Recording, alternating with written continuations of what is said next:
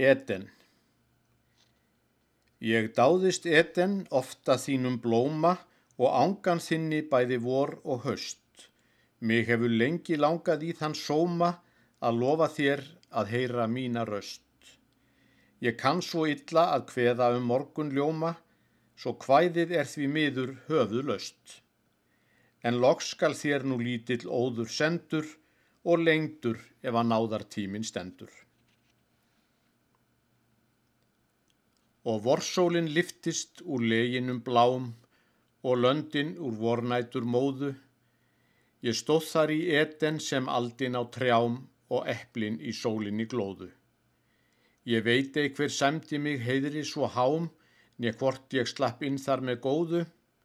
Í hlýðun að baki með bröndum og slám þeir brinjuðu kerúpar stóðu.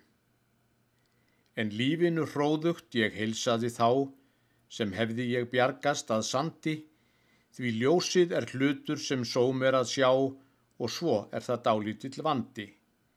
Því misholt er sumt það sem mæðurnar fá í mentuð og frelsuðu landi og furða hvert úrval þar forsjónin á sem fóstrinu verður að grandi.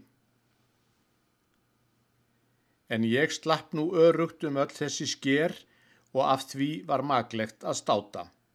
Hann fóstróun ammáttu merkin í mér því mátti ég drúar að láta.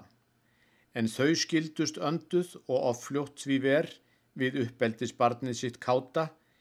Ég sá þá ekki annað en ungæðið sér en orsök var þá til að gráta.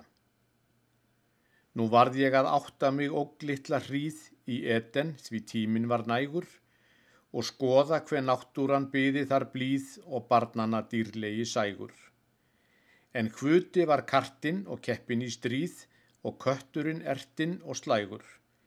Ég kannadist við þetta heiman úr hlýð sem hjónaleik annarkvert dægur.